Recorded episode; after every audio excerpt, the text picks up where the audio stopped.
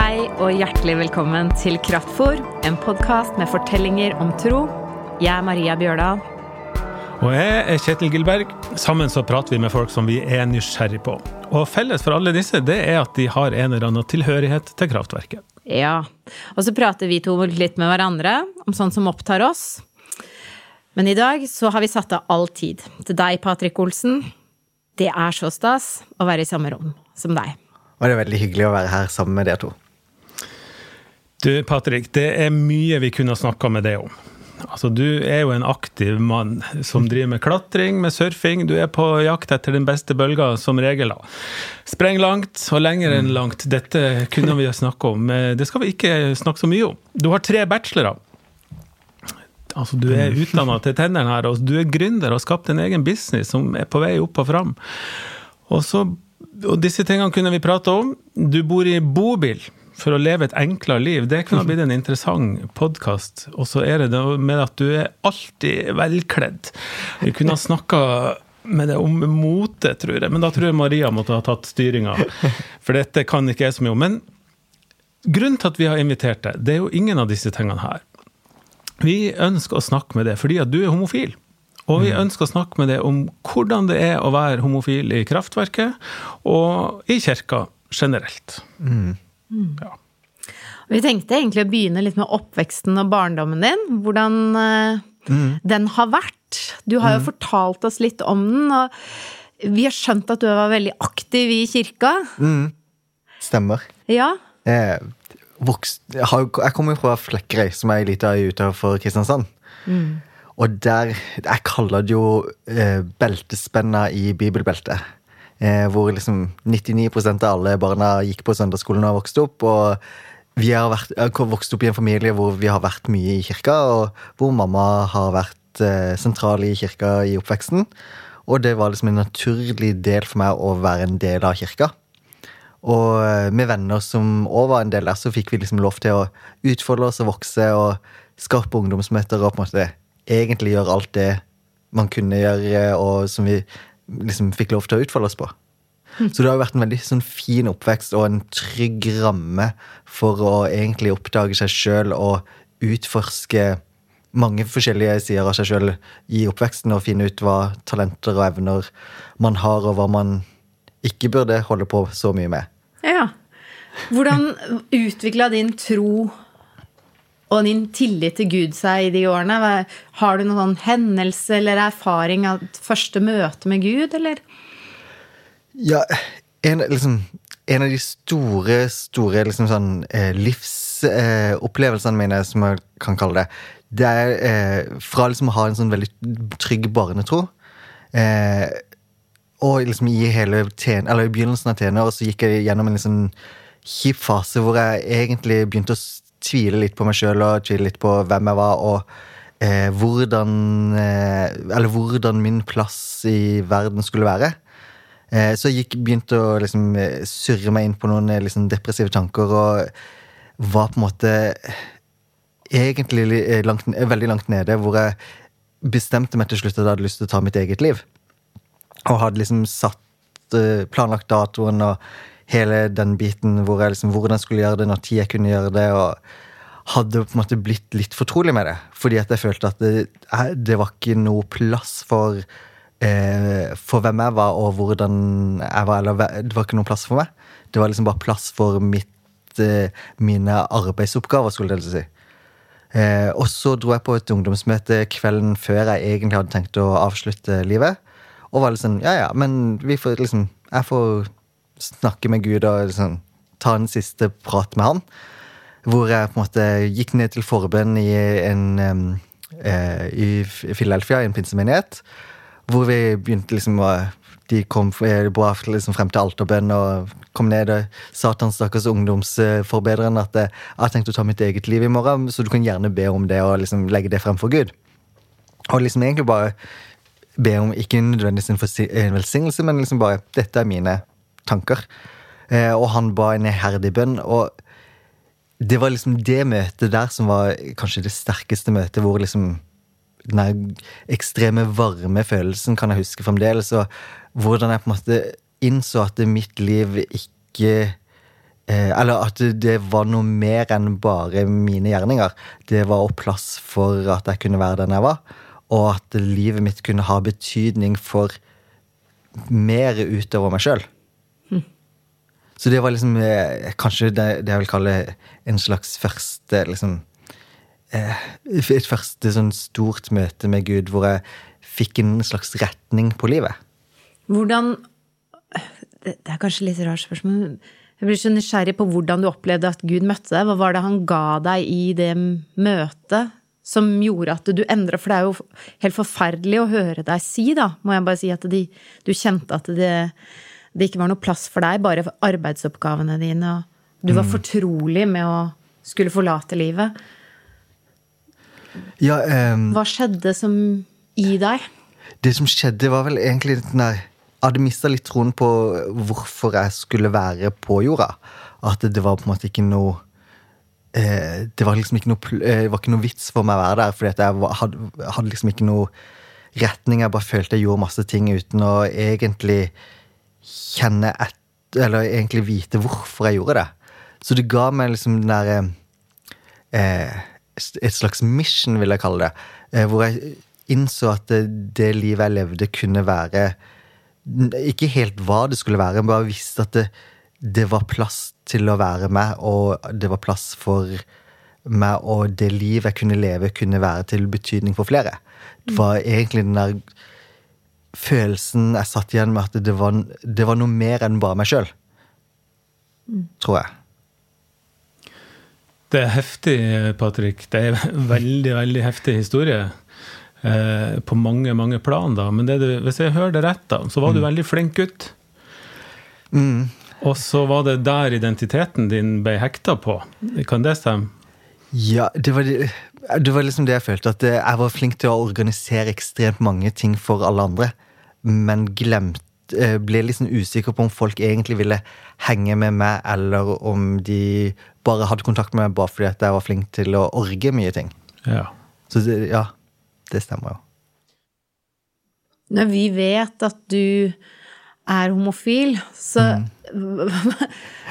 Når jeg hører dette her, da, så lurer jeg jo på Kjente du på de følelsene den gang? Spilte det inn i det hele tatt, eller kom det senere i livet?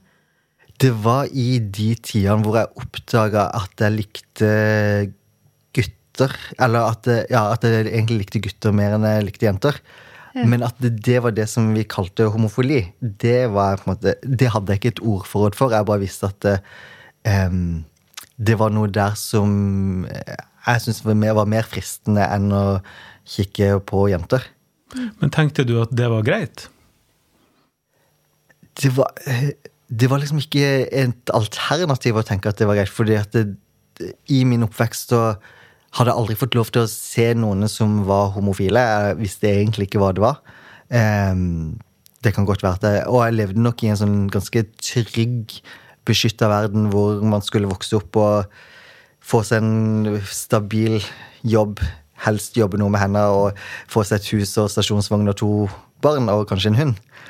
Eh, sånn at det, å leve med en mann eller ha en kjæreste som var mann, det var liksom eh, det, det, var liksom ikke engang på radaren min, tror jeg ikke. Så jeg, jeg bare skjønte at det, det liksom Jeg likte de gutter, men jeg skjønte ikke hvordan det kunne plasseres inn i den verden jeg levde i. Og dette var i den tida hvor du tenkte at nå er mm. Ja, nå er det Vurderer du veldig sterkt å ta livet ditt. Mm. Og så er det, det også da, Patrick eh, du er vokst opp på Flekkerøya. Eh, beltespenna, mm. som du sa. Norges kristneste plass og alt det der. Men, men eh, du har jo en hudfarge mm. som er at på Flekkerøya så ja, du, skiller du det ut, da, for å ja. si det sånn.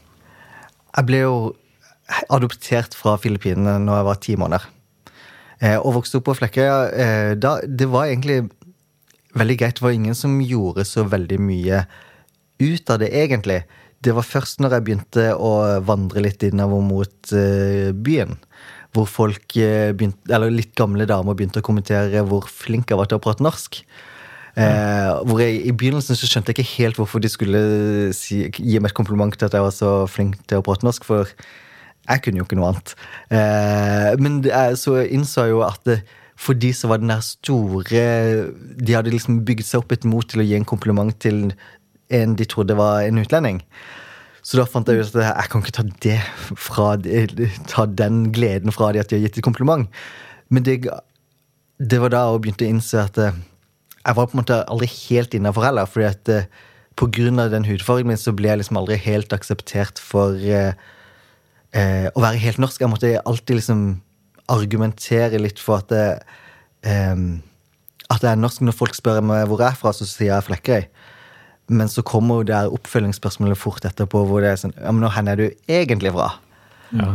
Eh, som skaper en veldig sånn distanse, føler jeg på, mens de egentlig bare har lyst til å finne ut av liksom, hvorfor har jeg den der hudfargen jeg har. Eh, mens for meg så blir det sånn jeg må en måte, Da må jeg på en måte argumentere for at ja, men jeg er adoptert, så derfor så er jeg norsk. Jeg er på samme nivå som dere, egentlig. Eh, men bare at jeg hele tida må liksom kjempe for eh, min norskhet. Og samtidig som når jeg er ute og reiser i utlandet, så eh, vil de, hvis jeg er i Asia og reiser, så vil ikke de oppleve meg som en asiater. Fordi at det, eh, min kulturelle bagasje er jo så veldig skandinavisk. Mm. Men da tenker jeg på den hendelsen som du forteller. Mm. Eh, når du da i den Jeg lurer på linken da, til det å være utafor.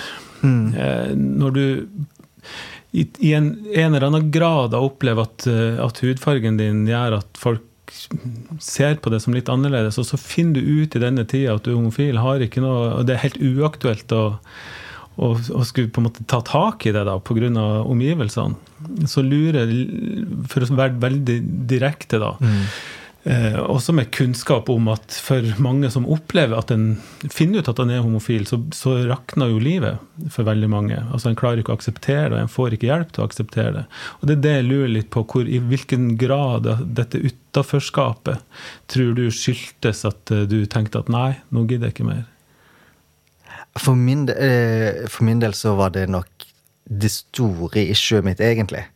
Det at jeg fant aldri min plass i verken miljø eller i samfunnet.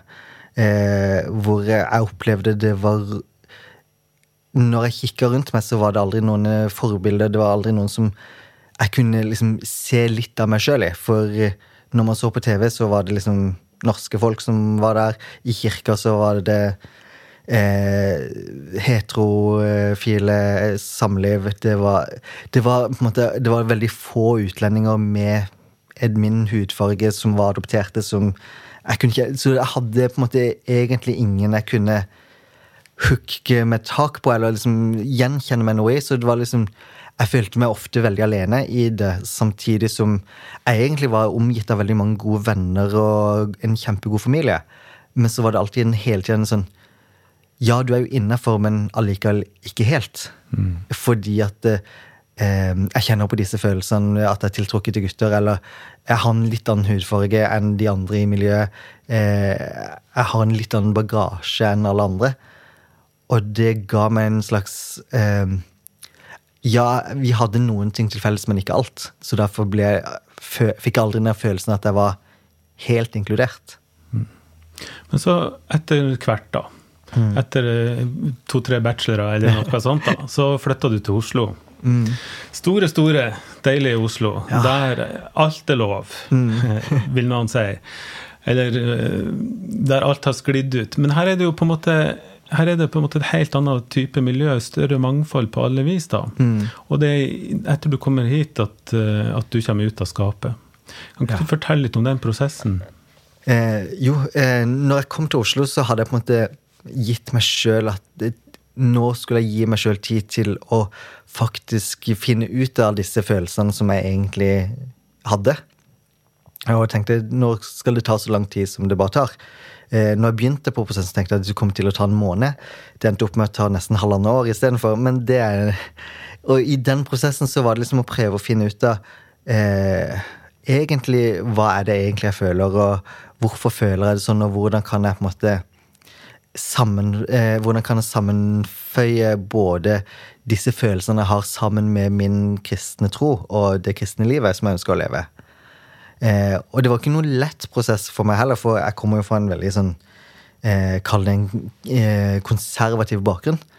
Eh, men jeg måtte liksom da gå inn i Bibelen og lese og prøve å finne ut av hvorfor jeg mener, eller hva jeg egentlig tenker om egentlig alt rundt eh, homofili og alt det som på en måte ligger rundt det.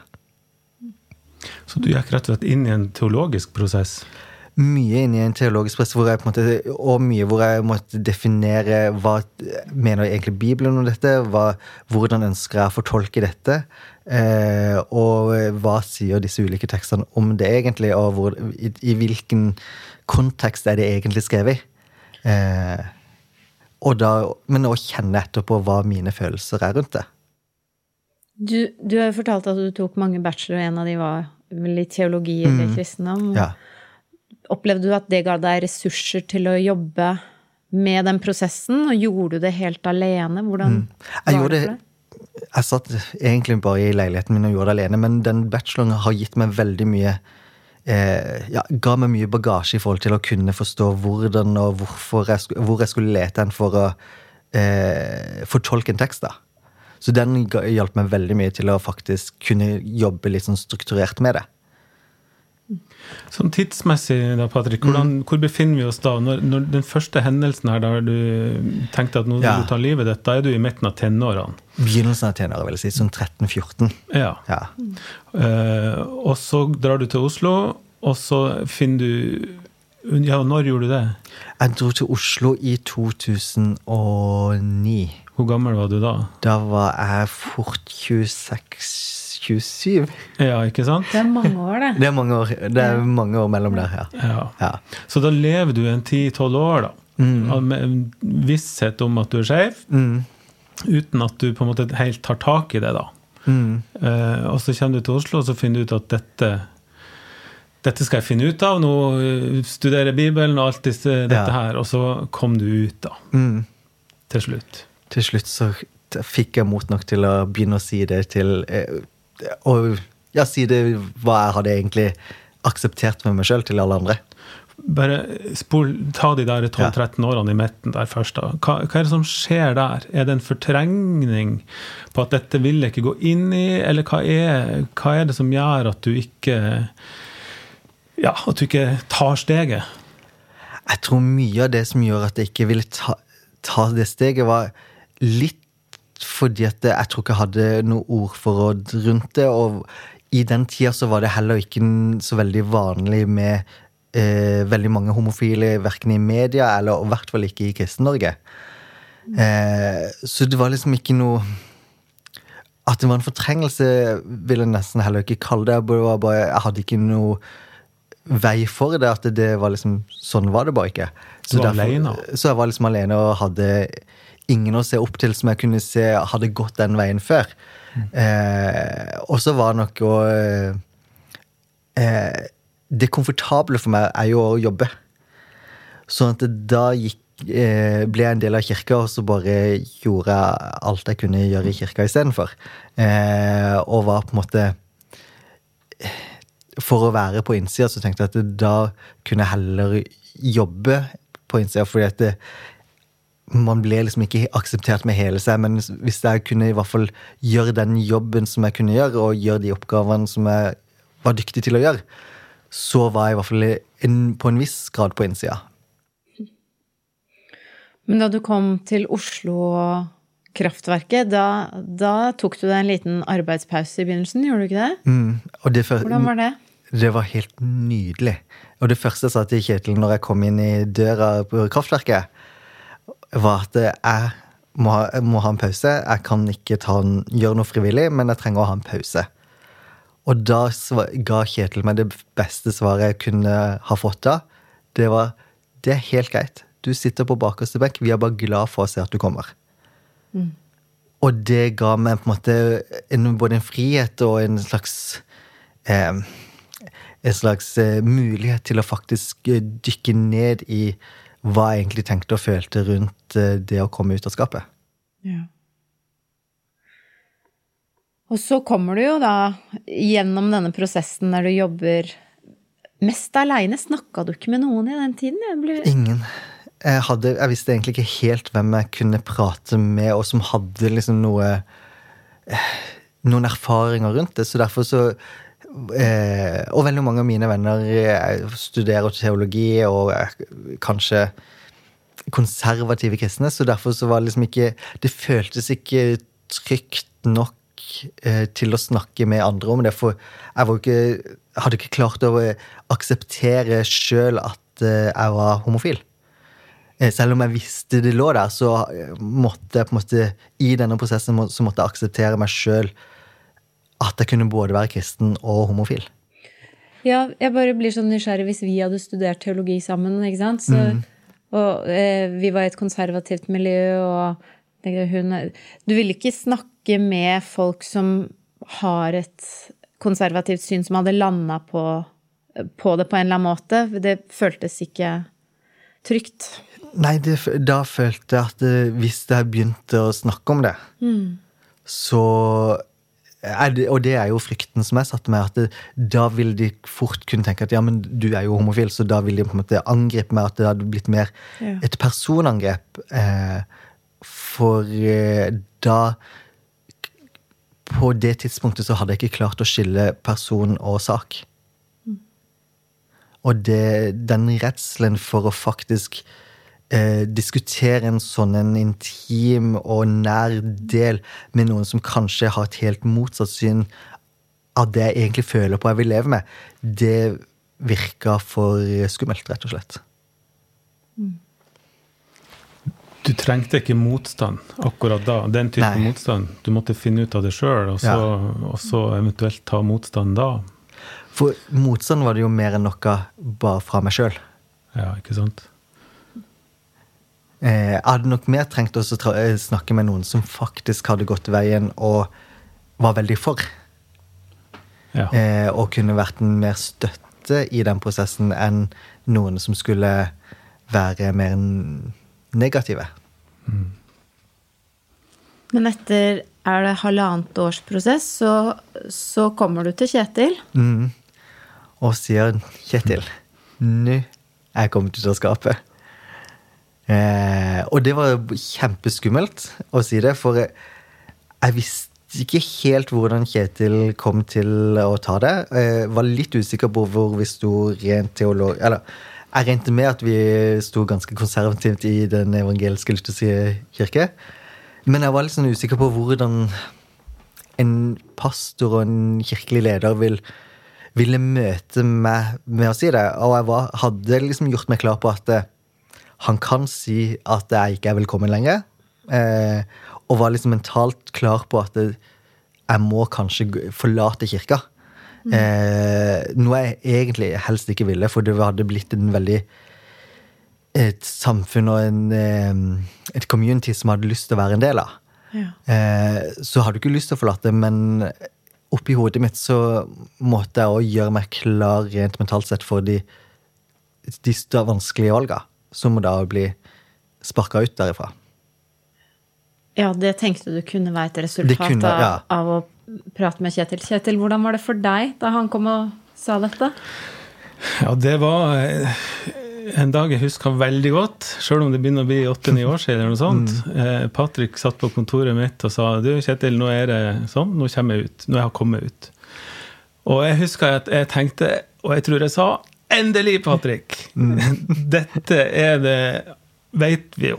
Dette har vi visst lenge, og du er vel den siste som er klar over det. Så, så eh, Og så tenkte jeg at det, det, når du kommer ut nå, så ble jeg glad, fordi da tenkte jeg at da er du trygg. For jeg vet jo, og historia sier jo det, at veldig mange som sliter med å komme ut, fordi at det å være homofil da, er det, hvert fall hvis en er vokst opp i kristne sammenhenger, så sliter man med skam rundt dette her, eller med sjølforakt. Og det å klare å være glad i seg sjøl er ikke så enkelt, da. Men så tenker jeg at når en da tør å komme ut, så er i hvert fall ikke Patrick der. Da er han trygg på at dette, dette er mitt liv, og sånn har jeg lyst til å leve. Og dette, mm. dette er ikke ja, Og jeg kunne jo se det òg. Du er en glad gutt og har alltid vært. Men at dette er en, en fri gutt som sitter på kontoret, og en befriende avgjørelse. Mm. Så, så, hele meg jo, tenker jo at dette er fint. Og så er det akkurat sånn som Patrick snakker om, da, den sammenhengen, den kirkelige sammenhengen vi står i som jeg står i, og som kraftverket er en del av, den, den er jo eh, såkalt konservativ. altså Der vil jo den sammenhengen si helt eh, tydelig da, at homofilt samliv, det er synd. Mm. Og det fører jo til at veldig mange homofile som sier at jeg ønsker å finne en partner, og sånt, da får helt andre spilleregler enn, helt, enn alle, alle andre. Og i praksis så betyr det at, at uh, man ikke blir sparka ut. Det tror jeg veldig få har blitt sånn direkte. Men har før, mange har nok følt at de har blitt sparka ut. Men det en gjør da i, i, disse sammenhengene, det er å ta vekk ansvaret, f.eks. Og ta vekk tjenesten som en har. At en ikke kan ha en lederoppgave eller være i søndagsskolen eller, eller, eller sånne ting. da. Og det har jeg alltid syntes har vært ordentlig problematisk, altså. Og samtidig så, så er jo jeg som leder i Kraftverket og som pastor forplikta på å være lojal mot den sammenhengen som vi da står i. Også med de tingene vi syns er vanskelig. Så, så, jeg tenkte at nå må jeg si til Patrick, sjøl om han sikkert allerede vet dette her, at, at nå får du noen andre spilleregler enn alle andre. Eh, men vi skal tøye strekken så langt vi kan. Ja. Mm. Fordi at jeg syns at det er helt greit at du leder gudstjenester, at du preiker, at du er med ungene, at du har økonomisk ansvar, at du Vi vil se trua di, vi vil dele trua sammen med det og alt dette her. Samtidig så er det sånn, Patrick, sa jeg, mm. at vi er nødt å sette ei grense et eller annet sted for å være lojal mot sammenhengen, den kirkelige sammenhengen vi står i. Og, ved, og, vi gjør det ved ordinasjon. Det å bli øverste leder i menigheten her. Hvis vi, hvis vi tillater det, så bryter vi så radikalt da, med den sammenhengen vi står i, at da, da, ja, da blir det mm. veldig, veldig vanskelig. Og da så sa jeg det, da, at du kan gjøre alt, men ikke bli ordinert her. Det går ikke. Eh, eller å bli gift her. Mm. Eh, da, da, bryter vi så radikalt. Og da tenkte jeg nå mister vi han. Dette kan ingen være med på. Nå stenger, stenger vi Patrick ute fra deler av det kirkelige livet her, bare fordi han er homofil. Og så jeg tenkte at ja, nå mister vi han. Hvem vil være et sted der man, man er nesten akseptert? Altså du tenker nå mister vi han, mens du tenkte nå ble sparka ut før du kom dit. Da. Men hva, hva, var opplevelsen din etter den samtalen du hadde med Kjetil? Da følte jeg da fikk jeg veldig sånn tydelig egentlig var, vite hva spillereglene mine var. Og så måtte jeg bare finne ut av kan jeg leve med dette. For dette er et samfunn og en community som har lyst til å være en del av. Jeg trivdes veldig godt der. Og eh, det var et sted jeg hadde lyst til å vokse videre i troen min. Eh, og var på, måte, på, ingen måte klar for å prøve å finne meg et nytt samfunn hvor jeg kunne være en del av, eller eh, eh gå bort ifra troen. Så da tenkte jeg ja, men jeg får lov til å være her, jeg får lov til å gjøre de tingene jeg kan.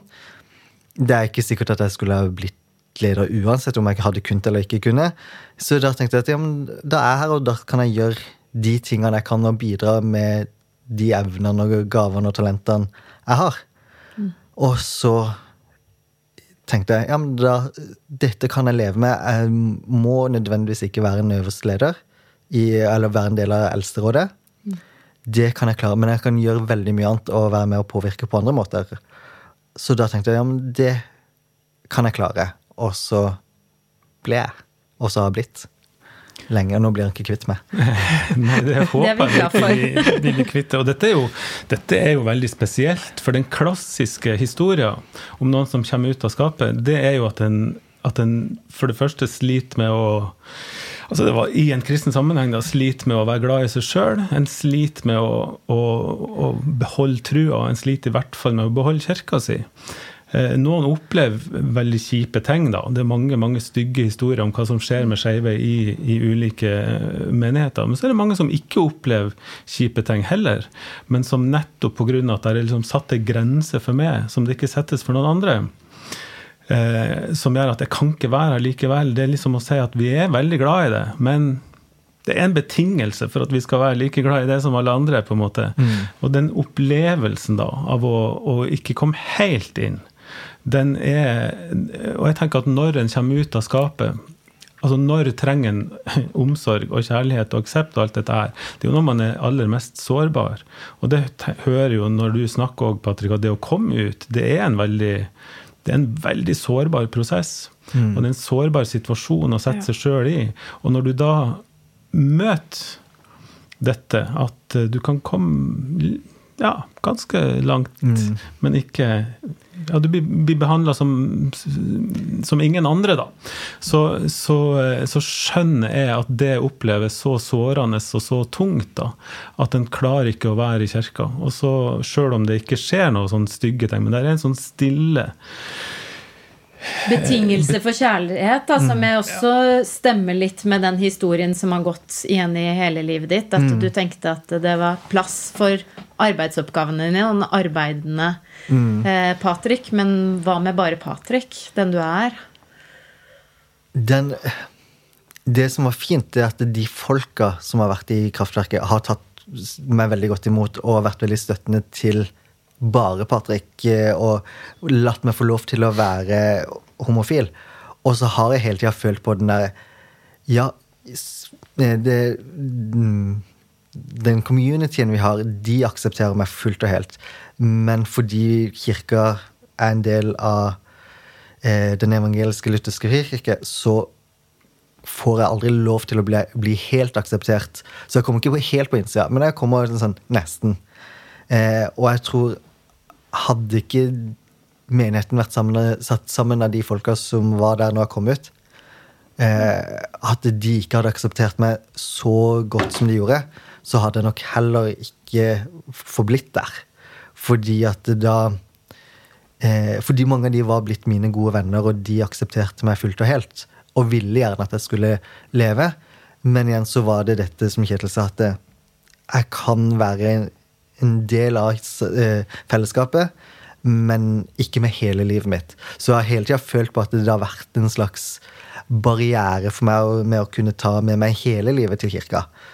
Eh, og så har jeg måttet bare velge ofte at jeg ønsker likevel å være en del av det fellesskapet, selv om ikke jeg får lov til å ta med meg hele livet ditt. Og jeg, jeg, tenker jo også, når jeg ser tilbake altså Folket i kraftverket har jo ikke blunka eller letta på et øyelokk. Patrick mm. kom ut. Det visste vi. Og Patrick er Patrick, og vi elsker Patrick. Sånn er det med den saken. Og det tror jeg du har merka at mm. mange har vært eh, altså det, er ikke, det er ikke noen skille sånn sett før og etter. Eh, men, men likevel, da så, så, lurer jo jeg Jeg har stilt meg sjøl spørsmålet så mange ganger. Går det an å ha et konservativt såkalt konservativt syn i, den, i denne homofilisaken, da, som er den store kirkepolitiske saken gjennom mange, mange år nå, da.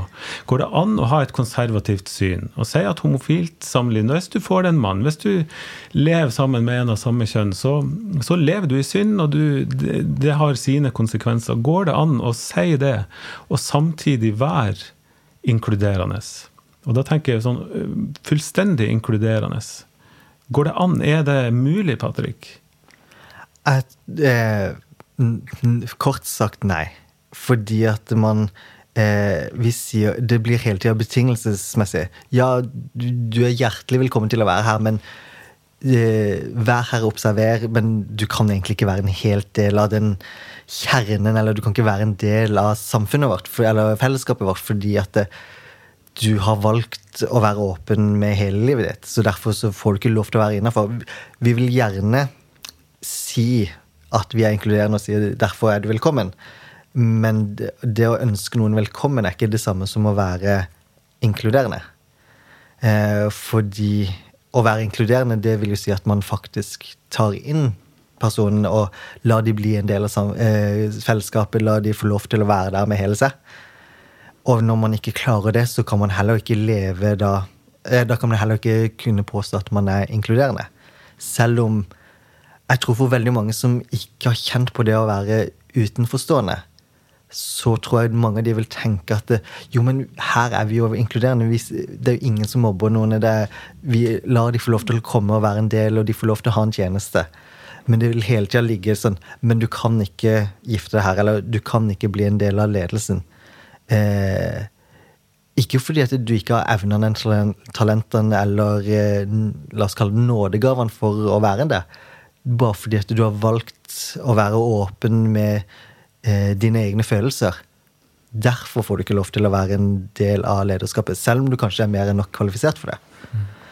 Eh, og sitte med den følelsen, eh, og da samtidig høre en ledelse si at det, her er vi veldig inkluderende, det blir på en måte egentlig bare nesten et litt mer spark i ansiktet, fordi at eh, vi sier på den ene hånda at ja, vi er kjempeinkluderende, men på den andre sida men ikke så inkluderende at du får lov til å være egentlig en veldig del av dette.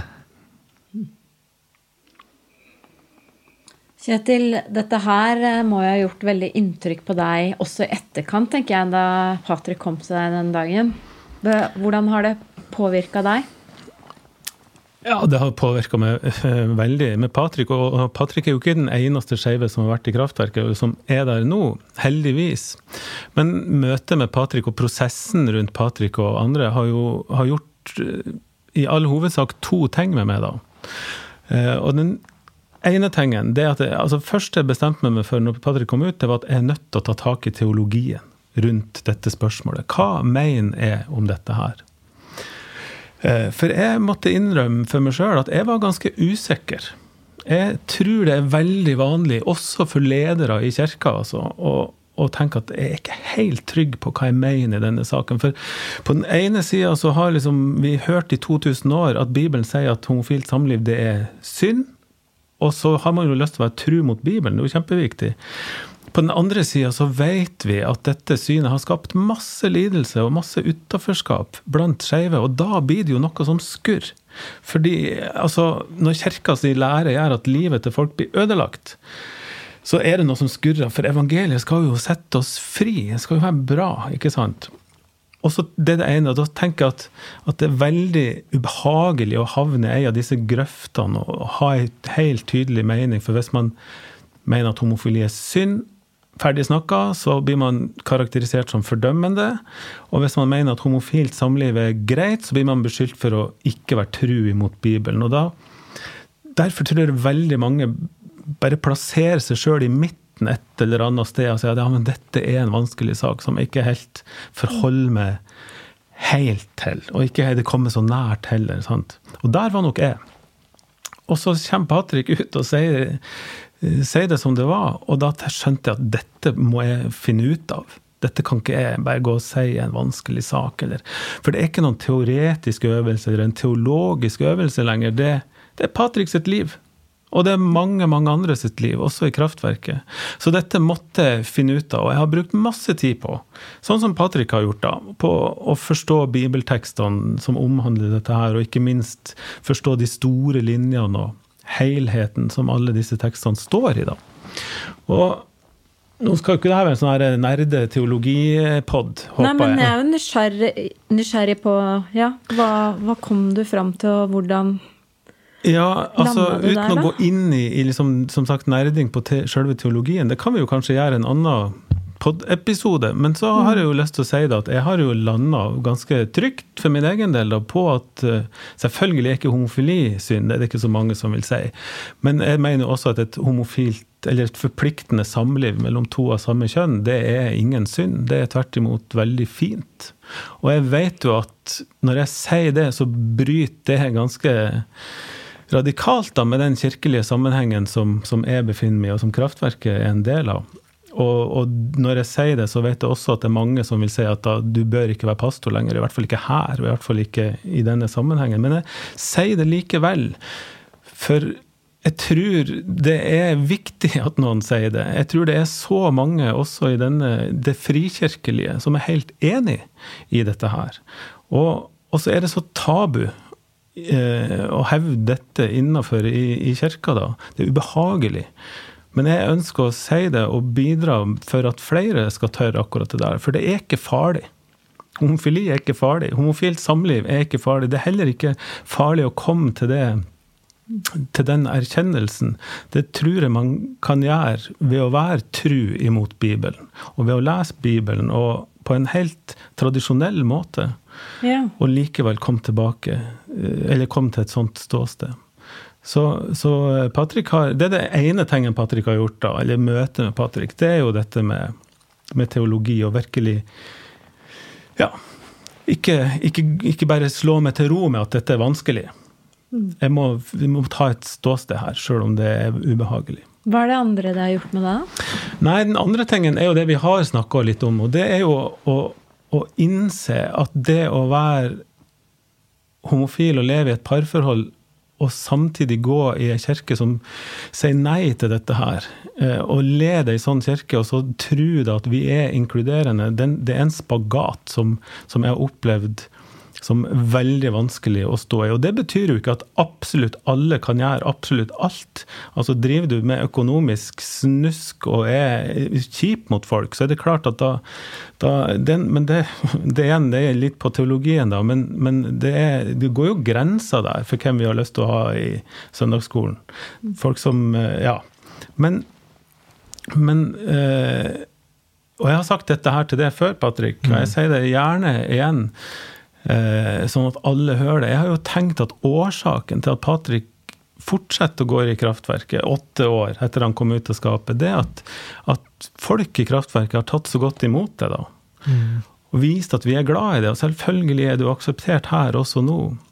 Men for hver dag Patrick har blitt værende, for hver dag du har blitt værende, så, så har det blitt tydeligere for meg at det er jo ikke vår raushet mot det som har gjort at du kan være i kraftverket, det er jo tvert imot din raushet imot oss. Det at du har valgt å være her med helt andre begrensninger enn alle andre, det, det viser altså en enorm raushet. Og det at du ønsker at kraftverket, og lar kraftverket være en del av ditt liv, en så stor del av ditt liv, det sier jo noe om din kjærlighet til menigheten vår. Så det er ikke de, vår raushet som holder Patrick her, som holder det her, Patrick. Det er jo din raushet. Og du er et stort forbilde for meg når det gjelder akkurat disse tingene her. Det å vise en sånn kjærlighet, det tror jeg er noe av det mest kristelige og kristne jeg har sett noen har gjort noen gang. Mm. Har du tenkt sånn om det selv? Aldri, egentlig. Eh, når Kjetil sa det med det til meg første gang, så ble jeg nesten litt satt ut fordi at eh, jeg har egentlig ikke tenkt på at det var en måte å se det på. Eh, og for meg så er det Det er en av de fineste tingene folk har sagt. Mm. Ja, det kommer fra hjertet, i hvert fall. Og det er, det er, det, det er så spesielt å gå åtte år der og, og ja det viser, det viser din raushet, det viser din kjærlighet, og det, det, er stort. Det er utrolig stort, rett og slett, for meg å få, få ha en, eh, noe sånt som en del av mitt liv da, og min tjeneste som pastor. da. Det kommer jo fra hjertet, og det går jo litt i hjertet. Vi mm. sitter jo her og er litt sånn bevega alle tre, tror jeg. Um, Patrick, hva Kan ikke du fortelle litt om troen din i dag, og hvordan du opplever Gud i livet ditt der du er nå? For meg så er på en måte Det hadde, har jo alltid, som alle andre, vært gjennom måte, perioder hvor man tenker at det, hvor troen har vært svakere i tider. Men jeg kommer liksom hele tida tilbake igjen til at Gud er her. Og selv om han kanskje ikke alltid er nødvendigvis eh, på alle gudstjenester lenger, så opplever jeg Gud veldig mye i naturen. Eh, så liksom Med alle de aktivitetene jeg driver med. for meg og det å sitte og oppleve Gud mens jeg sitter ute på et brett ute i bølgene og med blå himmel og en haver som flyr over hodet, og det kommer liksom en fantastisk bølge inn mot land som har reist flere hundre kilometer. Og så får jeg lov til å være med den den siste hundre meterne av reisen dens. Eh, og forstå og kjenne litt på både naturkreftene, men òg hvordan alt henger sammen, og hvordan naturen henger sammen, og hvordan jeg kan være en liten del av det. Der opplever jeg mye Gud. Og så kan jeg dra det med meg inn i hverdagene og det travle bylivet. Men òg samtidig kjenne på Gud ute i den fantastiske naturen han har skapt. Ja, det er utrolig fint å høre hvordan du ser deg selv som en del av skaperverket og dens bevegelse. Mm. Spesielt med tanke på den historien vi hørte i begynnelsen av denne samtalen, ikke sant? om å ikke kjenne at du har en plass, og hvordan Gud talte til deg annerledes. Altså, Gud snakker jo til oss på så forskjellige måter, og snakke er kanskje egentlig et dumt ord å bruke fordi det gir en sånn forestilling om at vi skal høre noe, men det høres ut som du har veldig forskjellige erfaringer da, i mm. livet ditt om hvordan Gud eh, møter deg. Ja, og har, Gud har på en måte Når jeg ser tilbake igjen, så ser jeg liksom at Gud har vært der egentlig hele tiden på mange ulike måter. Eh, men som du sier, liksom, for meg nå så har Gud vært mest tydelig for meg i naturen. Og måten jeg på en måte får lov til å være en del av det store bildet. Mm. Eh, som gir meg en enorm fred og energi til å stå i alt andre. Mm. Vi må avrunde og snart takke for i dag. Men eh, først har jeg lyst til å minne på én ting, og det er at Kjetil og jeg er alltid tilgjengelige for folk som har lyst til å prate med oss. Vi har vært innom masse heavy temaer i dag. Ja, det har vi. Vi er tilgjengelige, om ikke alltid, så nesten alltid. Ganske ofte. Også ja, kan kontakte oss nesten når som helst, i hvert fall. Så får du svar når, vi kan. Det er akkurat sånn det er. Og så er det har vi, Jeg har i hvert fall lyst til å og fortell, Hvis det er noen unge skeive som uh, skulle høre dette her, da, og, og som uh, trenger noen å snakke med, og trenger et fellesskap, som Patrick da aldri hadde da han var ung ja, Du er ung fortsatt, da, Patrick, men da du var tenåring Og du trenger ikke være tenåring heller, nå, nå bare babler jeg. Men Skeivt kristent nettverk, det går an å finne ganske enkelt på nettet. Dette er et nettverk der eh, skeive eh, møtes og har bygd opp et nettverk. Og hele hensikten med å ha dette nettverket, det er jo at skeive skal eh, rett og slett akseptere seg sjøl, bli glad i seg sjøl og være glad i Jesus og være glad i Gud. Mm. Ikke mest trua sjøl om en erkjenner at en er homofil eller skeiv. Eh, jeg tror at dette nettverket er veldig, veldig bra for veldig mange. Sånn at uh, hvis dere ikke kommer til Maria eller meg, ja. så er det en anbefaling å ta kontakt med de for dere som trenger det, da. Det er en plass for oss alle. Ja. Det tror jeg vi vil mm. si til slutt ja. i dag. Det fins en plass for oss alle. Spis næringsrikt, folkens. Vi heter jo Kraftfôr. Det skal være god, næringsrik kost, det. Ja, det skal Men husk å kose dere litt òg, da. Og lev vel. Ja, så snakkes vi snart. Det er vi. Du har hørt på Kraftfor, en podkast laga av Kraftverket menighet. Produsent det er Mathias Hammersmark Olsen. Du finner oss på Facebook og nettsida vår kraftverket.no. Og så finner du oss selvfølgelig i kirka på Bislett, der vi fram til sommeren har gudstjenester på fredager klokka fem.